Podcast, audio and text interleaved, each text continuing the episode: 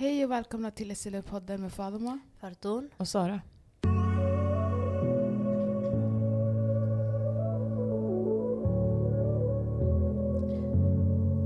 God morgon tjejer. God morgon. God morgon, god morgon. Hur mår ni? Jag mår bra, alhamdulillah. Hur mår du? Jag mår bra alhamdulillah. Hur har det varit? Hur har ni haft under helgen? Det har varit OK faktiskt. Jag har inte gjort mycket jobbat. Oh. Fint väder. Alltså jag är bara chockad. Jag var inte redo för vädret. Nej, det var, var det inte typ 28? Just det, Det ut var typ badade 27 faktiskt. grader tror jag. Vet du, iskallt det var i vattnet. Wallahi. Ja, Vart, det vart simmar du? Jag simmade i närheten av där jag bor i Nacka. Ah, vad roligt. Men det var jätte, jättekallt i vattnet. Men det var så skönt, uppfriskande. Åh, Ah, vad skönt. Vad skönt. Har du simmat något i år? Nej, jag kan inte simma. Jag ska jag bara, oh my God, nej jag har inte heller simmat någonting. Måste. Alltså jag är med den här som gillar att sitta och typ ha typ mat framför mig. Och njuta en prata. njuta Ah. och chilla. Mm. Mm. Jag vet inte, jag är för lat för att gå och simma. I wish... Jag vet För grejen är, det är jättekul att simma, it's just the aftermath. Du vet. Du är blöt, du Ah, hela den fryser. Ja, processen. man hinner ju torka. Man ligger och solar bara och så Mm. blir man torr. Men det är de- ju så pass varmt. Alltså man, jag blev torr relativt snabbt. Men det var jättevarmt. Det var Ja, det typ var sju jätte- grader. Alltså. Jag det var blev solbränd. Ser ni inte?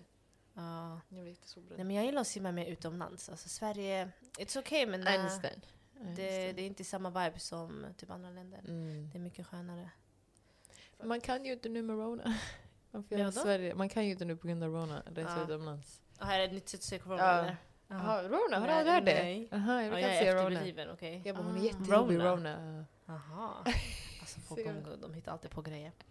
Eh, jag tänker, ska vi gå in på det vi ska prata om idag? Ja, Let's Upplägget. do it. Hur studieplanen ser ut? Perfekt. Det Mm. låter bra. Let's do it. Mm. Ämnen, vill du se berätta vad man läser? Ehm, de första tre åren, om jag ska liksom försöka summera det hela, så är det man lär sig om den friska kroppen. Mm. Helt enkelt. Du lär dig om anatomin på alla olika delar, kroppens funktioner. Mm. Alltså, det är inget som du förstår alltså, sammanhanget av i kroppen. Det är mer så individuella. Mm. Hjärtat ser ut så här, de här, de här olika delarna. Lungorna ser ut så här, de olika ytorna, funktioner. Så det är mer typ så här att du bara memoriserar. Mm. Men det är liksom grunden till allt. Det sitter jätteviktigt. Eh, Men jag vet också i vår skola hur de delade upp oss är att vi hade kanske 200 som sökte. Mm. Och då delar de bara alltså, ut efter efternamn. Delar de på 100 och därav så hade vi kanske 8-9 per grupp. Så det blev mindre och mindre grupper som hade Mm. labbar och det var alltid att man gick två grupper. Okej. grupper. och man gick först till lektionerna, där satt alla då och hade med föreläsningar och sådär. Sen under labbarna så var det två grupper Mm. max och då vi vad, kanske 15-20 personer. Mm. Då är det en lärare som sitter och liksom förklarar och typ när vi höll på med benen så hade vi hela skelettet. Mm. Och man hade typ så här små, innan proven som oftast Minitentor var, typ. exakt, det var så Mm. små små seminars. Mm. Och då var det oftast att man fick läxor. I nästa vecka så ska grupp A, B Presentera det presentera här. det här och då, blir, då betygsätter man på det Mm. eh, med din final grade då. Mm. Så det var det jag kommer ihåg av de tre första åren. Det var det upplägget det var. Mm. Sen läste vi olika grejer också. I anatomy fick ni också jobba med alltså cadavers, vilket är... 110 Jag tror det var det första. Jag tror de gör så med flit ibland. De Ah. förklarar inte. Ah, nästa vecka du vet, det kommer ligga en död kropp. Don't be Ah. scared. Mm. Man kommer in i labben bara och så är det så här någon de hade ofta någon skynke över. Mm. Sen, vi hade, man måste som princip alltid ha på sig labbrock. Annars fick du inte komma in. Och du skulle alltid ha så här instrument med dig som du fixar Mm. själv. Så labbrocken Mm. köper du själv. Mm. Eh, skor också skulle du ha. Så du byter alltid om vid ett hörn, lägger din väska och så har du på dig din labbrock och du har Mm. papper och penna och allt du behöver. Och då ligger det bara så en död kropp där och så ska vi så här få pilla på det hur mycket vi vill. Alltså det var kul. Vissa svimmade ju första Kommer du ihåg gången. lukten dock? Lukt, för de sprayar Alltså. ju med, vad fan, vad, vad heter det? Jag vet inte vad de sprayar med, I just know. Formaldehyd tror jag. Ja, Något sånt där, Var det ja. det? Okej, men det Den luktade... var stark. Alltså ögonen sved. Ja, det gjorde det verkligen. Det var fruktansvärt. Mm, mm, mm. Jag hade alltid mask, jag försökte täcka... Mask eh, hjälpte inte nada. Gjorde det? Nej, jag höll på att dö och kvävas till döds. Jag kunde no, mm. Mm, mm. Det tog mig ett tag att bli van med det. Mm. Och jag vet inte, lukten påminde mig om röttenost. Jag vet inte varför. Så jag var ju typ så parallell. Här, alltså första terminen jag åt inte ens ost. Va? Jag var så typ På så här, grund av alltså, det? ja, ärrad. Jag, och vi har typ sex eller upp till sju alltså Kadewis döda kropp eh, inne i salen. Så imagine the smell. Och imagine att de ligger kvar där till varje vecka yani. Så Ja, de lägger inte in det i deras kyl eller förvaring eller sånt I där? don't think so. Or maybe they did, I don't know. Vi, våra De barn- låg där varje gång vi kom tillbaka. De kan faktiskt och så har Ja, de alltså, ut för det. de brukar bli Maybe. assistenter som fixar Ja, det. Kanske det. Men nej, I did not like that. Men jag tyckte det var alltså intressant och det var så här väldigt häftigt för att man aldrig sett It does not look like a dead body body ja. som personen dog igår. It looks more like a mummy. Mm. Men at the same time, det var väldigt häftigt faktiskt. Mm. Men lärde ni er mycket? Alltså via Deca Davis? För jag kände att jag skulle behöva en fräsch kropp om jag ska vara ärlig. För att kunna se Nej jag vet men för på bilderna det är ganska misleading för typ så här blodkärlen, en ven är blå. Men här är den En typ artär är röd. Vet du vad jag menar? Och så här, Ja. hjärtat är rött och så här, Exakt. lever typ så här lite lila. Så när man ser Allt ser likadant ut. ja, allt det är så här urtvättat Exakt, grå. urtorkat typ. känns det. Exakt. Så det, det är klart de inte har fräscha eh, specimens. Men det var, jag tyckte det var ganska kul att få liksom... Jag tyckte det var svårt att typ identify, alltså identifiera typ men en nerv eller en artär eller ven. Alltså, jag minns på provet, det var jävligt svårt. Jag var tvungen att memorisera under alltså, den praktiska delen, medan, alltså, när jag försökte på lektionerna och veta okej men det här ligger här, det här ligger här, försöka lära mig. Men jag tyckte det var jättesvårt att identifiera dem. Mm, men vi hade, våra lärare förstod att det skulle vara svårt. Om de sa typ, ja men the femoral vein and the femoral Ah. artery. Att du inte hittar den var okommen. Att du kunde förklara att den ska ligga här. Till vänster om det ska Ah, det nej, här det där ligga, kunde vi göra här- med vår, min var, en, jag vill se den, vart ligger den? Oj. Så jag kunde förklara från A till Ö, för det där kan man memorisera, inga Ja. problem. Men hon bara “show me now” och jag bara hmm. “ja du, jag ser bara typ så här 20 trådar där, men okej, everything looks like the same”. Mm. Är jävligt svårt. Nej, så hade inte vi. Var det tagit på era... Eh, det var nog liknande. Um, menar ni kadaverprovet? Ja, eller, Mm. eller bara så här allmänt, hur var er anatomi? För det är typ den största delen. Ja. Ja, alltså vår anatomi var så här, typ introduktionen till med school, om man säger så. Mm, mm. Lärarna var jättestränga, man skulle alltid ställa sig upp när lärarna kom in, hälsa på dem. Eh, och man fick oftast höra så här, ah, ni alla är inte menade att bli läkare.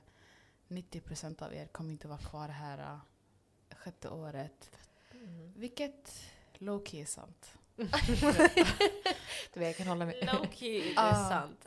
Ehm, och eh, jag minns bara att det var väldigt strikt. Ja. om man säger så. Och du skulle kunna säga saker direkt. Men du fick, man var tvungen att inte...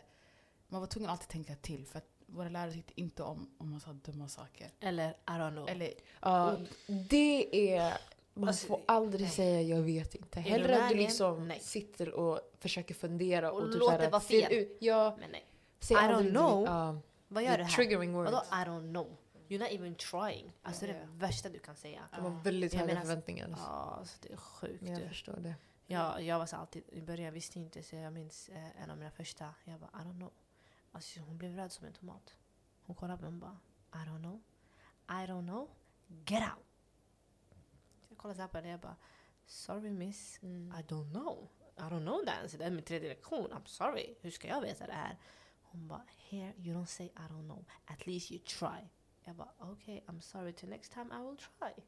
Alltså jag var helt chockad. Sen dess har jag aldrig sagt I don't know mina sex år. Jag lärde mig.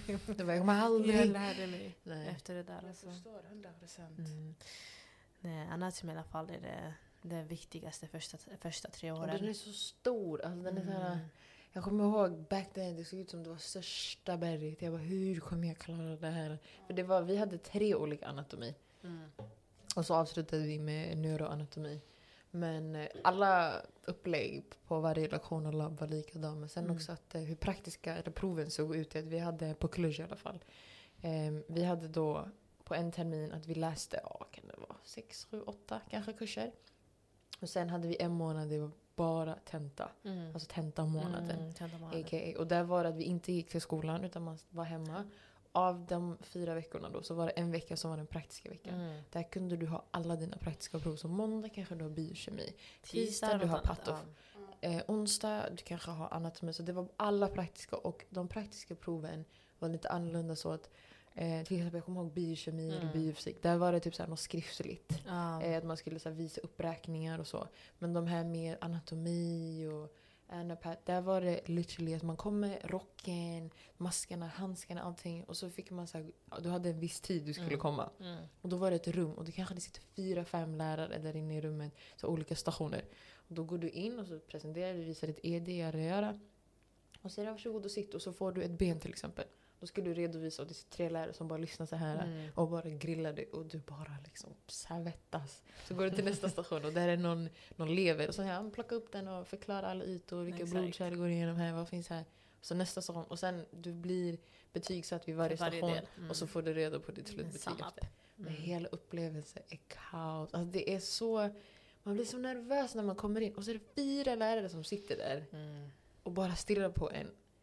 Jag tror det är det som är så här mest jobbigast för att här är det väldigt, annorlunda. Typ när man åker ner dit, exam session i Rumänien, eller jag vet inte andra länder, men just i Rumänien jämfört med Sverige, det är inte likadant. Mm. Jag tror ett, det här med att vi har sex, sju ämnen i en termin och att vi har alla de ämnen alltså, man har ihopklumpat i en månad. En månad ska det, Det där är jävligt svårt. Och sen som du ser prakt- praktiska veckan, då har du måndag, tisdag, onsdag, torsdag, fredag. Hur du har dina praktiska lektioner, då har du ämnen. Så måndag morgon du vaknar, du gör biochemistry. Tisdag morgon du har anatomy. Ja, du måste Alltså, släppa det, nästa ämne. Ja, Gick men det, dåligt, går, det finns inte tid. diskutera, det finns inte typ Nej, nej, recover. nej. Du går hem, du pluggar igen. Mm. Så jag tror det svåraste är att eh, folk också måste veta att det är det som är annorlunda. Jag tror det är det som kommer slå många. Eh, du blir van, det blir en vana till slut. Jag menar, sista året man känner okej, i got this, I know what I'm doing. Men det är, jätt, det är tufft, det är tufft, det är inte lätt. Eh, de stora ämnena, dock eh, teoretiska, ehm, eller ja, den teoretiska delen, de minns jag i Oradia och i Timoshara gick, de hade vi at least två, tre dagar emellan. Jag vet inte hur det var för Ja, er. vi hade så fem, Ja. fyra dagar. Ja, det var inte som praktiska. Praktiska var det enda som var måndag till Pang fredag. på Men sen var det typ så här, men vi hade ju tre veckor, eller fyra veckor, så det var typ, ja, men jag tror det var två stora teoretiska på en vecka. Så det kunde vara måndag, fredag, måndag, fredag, måndag, fredag. Så man har eh, ja, men lite space att plugga på. Even though det inte, tre dagar inte is enough att plugga för patofysiolog bara Nej, sådär. nej. Förstår du? Så du måste ha pluggat under hela terminen för att exam session ska vara din repetitionsmånad Exakt. istället för att Exakt. börja. Det värsta misstaget, eller största misstaget många gör Att man börjar. är att man börjar plugga under exam session och det är det dummaste man kan göra. För att Mm. du, du kanske klarar dig, vissa ämnen, och vissa ämnen du kommer alltså faila på grund av att du inte har den tiden. Och det finns ämnen som anatomi, som fysiologi, som patofysiologi. De ämnena kan man inte alltså, lägga in within typ två, tre, veckor, äh, två, tre mm, dagar. Alltså, det, Det går inte. omöjligt. Inte ens personligen. Jag skulle aldrig kunna Mm. lägga in even pato på en vecka. Mm. Jag behöver a month at least. För att gå igenom allting. För det är så stort anatomi. Amanterna har fått åtminstone. Omöjligt. Så jag tror det är det som är ändå annorlunda om folk vill veta det. Fast som jag vet många alltid brukar fråga när de frågar mig.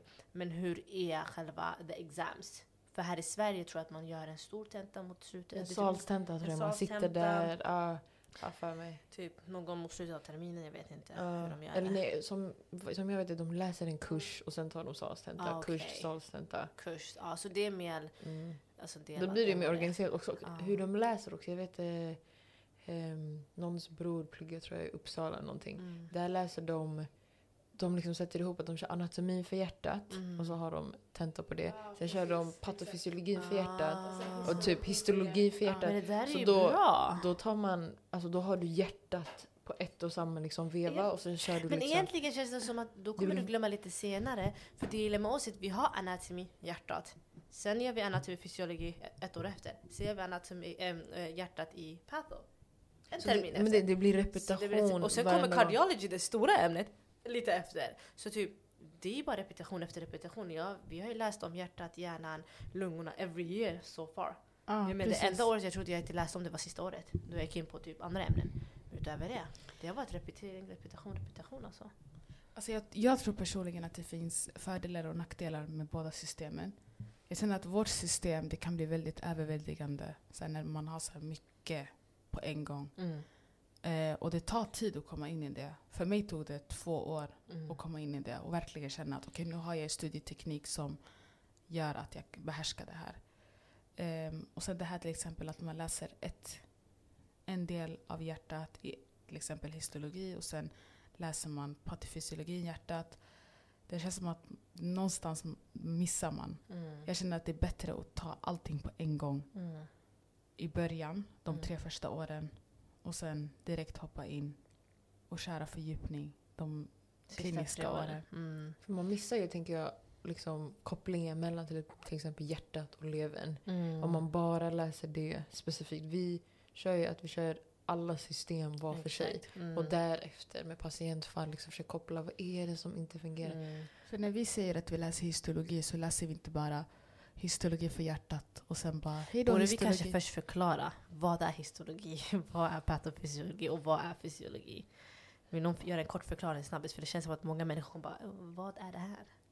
Jag menar anatomy vet många vad det är men... Fysiologi är nog kroppens funktion Mm. och ehm, sammankopplingen mellan funktion och anatomi. Hur det Mm. liksom fungerar. Mm. Patofysiologi är den sjuka kroppens Exakt, så förklaring. sjukdomsläran. Exakt.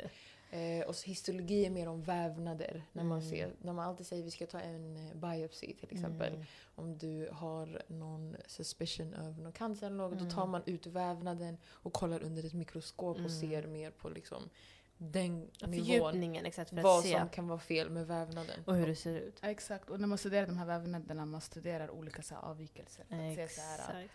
eh, olika sjukdomar och Mm, sådär. och celler och Mm. sådär för att kunna se. Och det är så vi läser, så vi börjar alltid med anatomi, sen börjar man med fysiologi, hur kroppen funkar, sen går man in på patofysiologi, sjukdomsläran och så vidare. Sen använder vi allt det här tillsammans de tre sista åren då vi går för, fördjupa oss in i ja, men cardiology, själva hur hjärtan funkar, eller neurology, specifika ämnen. Och det är då det vi gör på vår praktiska också. Och det är sådana patienter man träffar. Så har du, ja, men det lättaste som finns, pediatrik, barn, Eh, barn. Eh, då är du i deras avdelning. Så praktiska delen är på barnavdelningen. Så då pluggar du vad som finns i barnsjukdomarna och så vidare. Och sen träffar du dem, alltså sådana patienter. Mm, det, är väldigt, Något sånt där. det är väldigt intressant faktiskt. Men jag tänkte med era skriftliga prov, jag hos oss så var tills idag på, genom alla åren så är de skriftliga proven eh, MCQs. Mm. Ja, det står för multiple choice question där du får en fråga. I de flesta. Okay. Vissa så är det att du kan få de här MCQs. Mm. Och då kan det vara upp till 50-60 stycken. Mm. Med en tid på typ två timmar eller något. Och då är det en fråga med fyra alternativ varav en kan vara rätt eller eh, tre. Nästan Mm. aldrig alla. Eh, och det är så de rättar det. Eller så kan du ha det med typ så här någon quiz. Eller typ två öppna frågor. Så hade vi på alla våra farmakologiprov. Då var du tvungen att klara alla tre. Aha, för oss är det väldigt annorlunda. Ehm, det varierar men vi hade de första två åren det MCQs och vissa var en essay så det var öppna frågor. Men årskurs tre uppåt har de var de fle- årskurs tre var alla muntliga. Så farmakologi var muntlig, patofysiologi var muntlig. också? Ja, alltså den teoretiska delen. Den praktiska delen är alltid Aha. muntlig och det gör du alltså på sjukhuset Precis, med läraren precis. eller med en patient. Ja. Men den teoretiska delen för oss, en hela årskurs tre, var en muntlig. Och det är för att de har sitt sätt på att de tänker, okej med MCQs eller med essay, oavsett vart du är i världen, så eh, om du går i skola så har du chans och cheat. Om, alltså beroende på hur systemet ser ut. Eh, så Orade kom upp till, eh, ja men alltså så här, um, de tänkte vet du vad, årskurs tre är perfekt för det här är typ året som avgör om du ska åka, alltså börja årskurs fyra, Mm. eh, den kliniska delen. Eh, så de tänker, det enda sättet för oss att se till att ni klarar av det här without cheating, without any, alltså, alltså att du kan göra någonting ABBA muntligt. Så för oss delar man upp typ, patofysiologi hade vi typ tre dagar. Alltså för det, vi är ju så stora klass, så, så många elever. Så det var tre dagar bara det. Farmakologi tre dagar. Eh, medical semiology tre dagar. Alla de här var bara tre dagar typ. Så du går in dit, du får två ämnen. Du har ungefär tio minuter på dig att skriva ner dem. En, och då ska det vara bara nyckelord som du ska kunna. Det är som en presentation. Och så går du fram till läraren och svarar på dina två frågor. Du får två, tre följdfrågor beroende på hur läraren känner. Och utifrån det avgör de if vissa pass och if vissa fail. Så för oss efter det har det varit mest eh, muntligt årskurs tre minns jag. Det var Oj, jävligt... Och det, var det, och det var svårt. För man gick från ettan till tvåan bara okej, MCQ. Man är så redo, man tänker... Plus också du blir mer nervös. När du, har, när du gör ett muntligt prov och en lärare framför dig och frågar dig frågor. Alltså det händer lätt att man blir nervös. Det händer lätt att man bara oj, Man ordbajsar, jätteenkelt. Exakt. Men när du har med papper och penna framför dig, du kan koncentrera dig, du kan skriva i lugn och ro, du kan alltså komma fram med dina idéer och så vidare. Eh, Så i min skola var det med det, därför det var jävligt tufft för oss, Mm. årskurs tre om jag ska vara ärlig. Jag har nästan aldrig haft muntliga prov förutom nu på grund av corona. Ärligt? Ja, bara nu. Det var första gången vi någonsin haft muntliga prov på våra teoretiska. oh my Ja, God. samma här. Vi har aldrig haft Wallahi. muntliga Mm. Det har alltid varit teoretiska delen har alltid varit. Teoretiska är svårt att ha muntligt. I'm just Mm. telling you guys, det är fruktansvärt. Men det time, jag gillar det personligen. Mm. För då kan man ordbajsa. Jag, jag bara pratar på och bara something makes sense. Han kollar på han bara okej, you're good. Ja. Out, typ såhär, förstår du?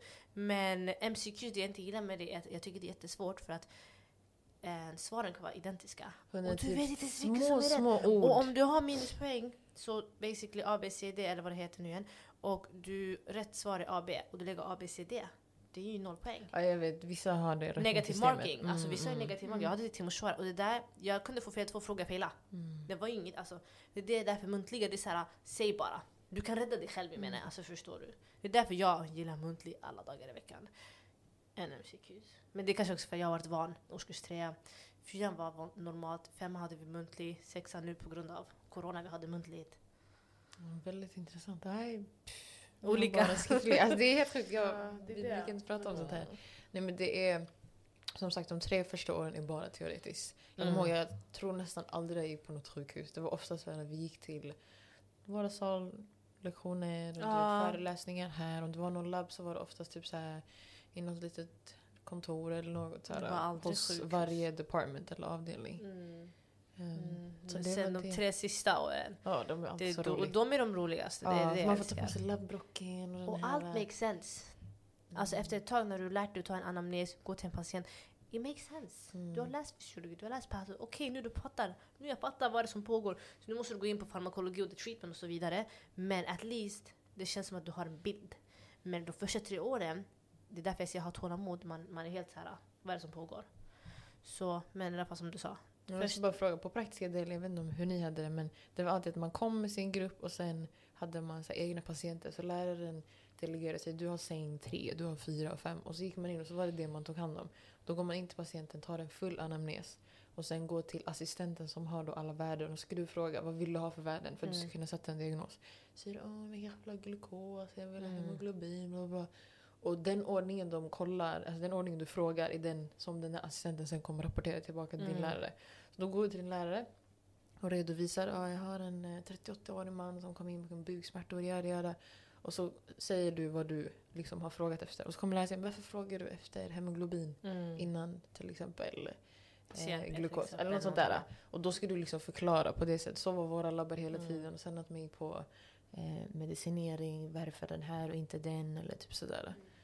Så det, var, Praktiska typ, det var väldigt så här pang på. Du Mm. tog hand om min egen. Det var väldigt mycket. Och det var framför alla. Det var din tur att redovisa. Mm. Eh, hade För oss är det ungefär också identiskt. Varierande ämnen men det, det var ungefär också sådär. Mm. Faktiskt. Ja. Nej men man måste bara hålla ut de tre första åren. För det känns inte som att man kommer någon vart. Nej. Man ser bara massa tjocka bäckar framför sig. Och man försöker bara lära sig. Ja, och långa tider. Hade ni skola typ klockan åtta på kvällarna ibland? Japp. För ibland, det, alltså jag har aldrig... Och det såg under mitt schema. också. Mm. Jag börjar åtta, slutar åtta. Jag bara, Mm. är du galen? Och så ska du gå hem och så är det typ vinter och det är kallt och det snöar och det är mörkt och du är deprimerad och så går du hem. Så kollar du på din snapchat och alla mår bra till sig själva och du tänker vad fan jag gör här? Oj. Jag gick in lite för djupt. Okej. Ja men det är sant, det är Jag sant. lovar. Det var jävligt tufft, jag ska inte ljuga. Nej, det var- Alltså, det, är då, det är då jag skulle säga att det är viktigt med support system. Ah. Alltså man måste ha... Alltså personligen för mig, mina föräldrar är mina cheerleaders. Ah, Alltså de är verkligen så här att du måste se ljuset ur tunneln. Mm. Och det är nu jag börjar se ljuset. Back then, alltså jag behövde bara höra deras ord. Och det var de också som påminde mig återigen varför jag gjorde det här. Ah. Mm. För att ibland man preach för mycket så här, ah, det här vill jag Mm. göra, det här vill jag göra Mm. globalt, si och så. Och så glömmer man det när man Mm. är Man fast tappar det i leran. Mm. Så jag säger till er, Tacka gud till de där alltså. Ah. Utan dem jag tror inte vi skulle ha varit någonstans som vara ärlig. absolut inte. Det är alla de här dagarna man tänker åh mamma jag vet inte vad jag gör det- här. Och kolla de här, de Ah. gör. Alltså, och du, som en 19-åring det är väldigt lätt att bara kolla vad andra människor gör och bara vad Ja. jag gör här. Och bara, hon är ute och han reser och hon gifter sig och hon har barn. Och hon bara anybody, anybody can do whatever they want to do. Ja, Men ingen kan säga jag är läkare bara sådär. Alltså om inte Ja. de har gått igenom grejer. Förstår du? Så hon bara var stolt över dig själv. Du har tagit det du ville göra, ingen tvingade dig. And be proud of yourself för att you're doing something good. Förstår du? Hon bara jämför det aldrig med någon annan. Ja. Of course när man var yngre det var ganska lätt att bara oh my God, kolla på de här. Men hon bara, en, alltså, en, vad, vem som helst kan göra vad som helst. Du kommer gifta dig, du kommer få barn, du kommer kunna resa runt världen. Men det är inte alla i din ålder som kan säga I'm 26 and I'm a doctor. Alltså Det var alltid det typ hon brukade alltid säga. You got this, kom igen. Man blir påmind om varför. Utan man dem- glömmer det lätt. Alhamdulillah, alltså, jag, må- vi måste verkligen tacka dem där alltså. Ja, wallahi. Och om, om, nu, nu utgår vi ju från att alla har en Ja. bra support system. Har man inte det, då det finns alltid... Vänner, det finns familj. Alltså, familj är inte heller bara vänner. Jag har alltid haft mina bästa vänner. Alltid sen dag ett, alltså my cheerleaders. Och än idag bakom mig och bara oh my god, look at you Farah. Alltså förstår Ja. du? Så det är inte bara familj, vänner. Det finns andra människor. Man lär känna folk där. Man lär känna folk. Så du kommer alltid ha någon eller några. Men kom ihåg, tro på dig själv. Because you got this. Ja, 100 procent. Du måste vara your own cheerleader. Tack för att ni har lyssnat på det här avsnittet. Tveka inte att höra av er för ytterligare frågor. SLU-podden. Vi önskar er en fortsatt trevlig dag. Njut av vädret och hej då. Hej då. Ha det bra.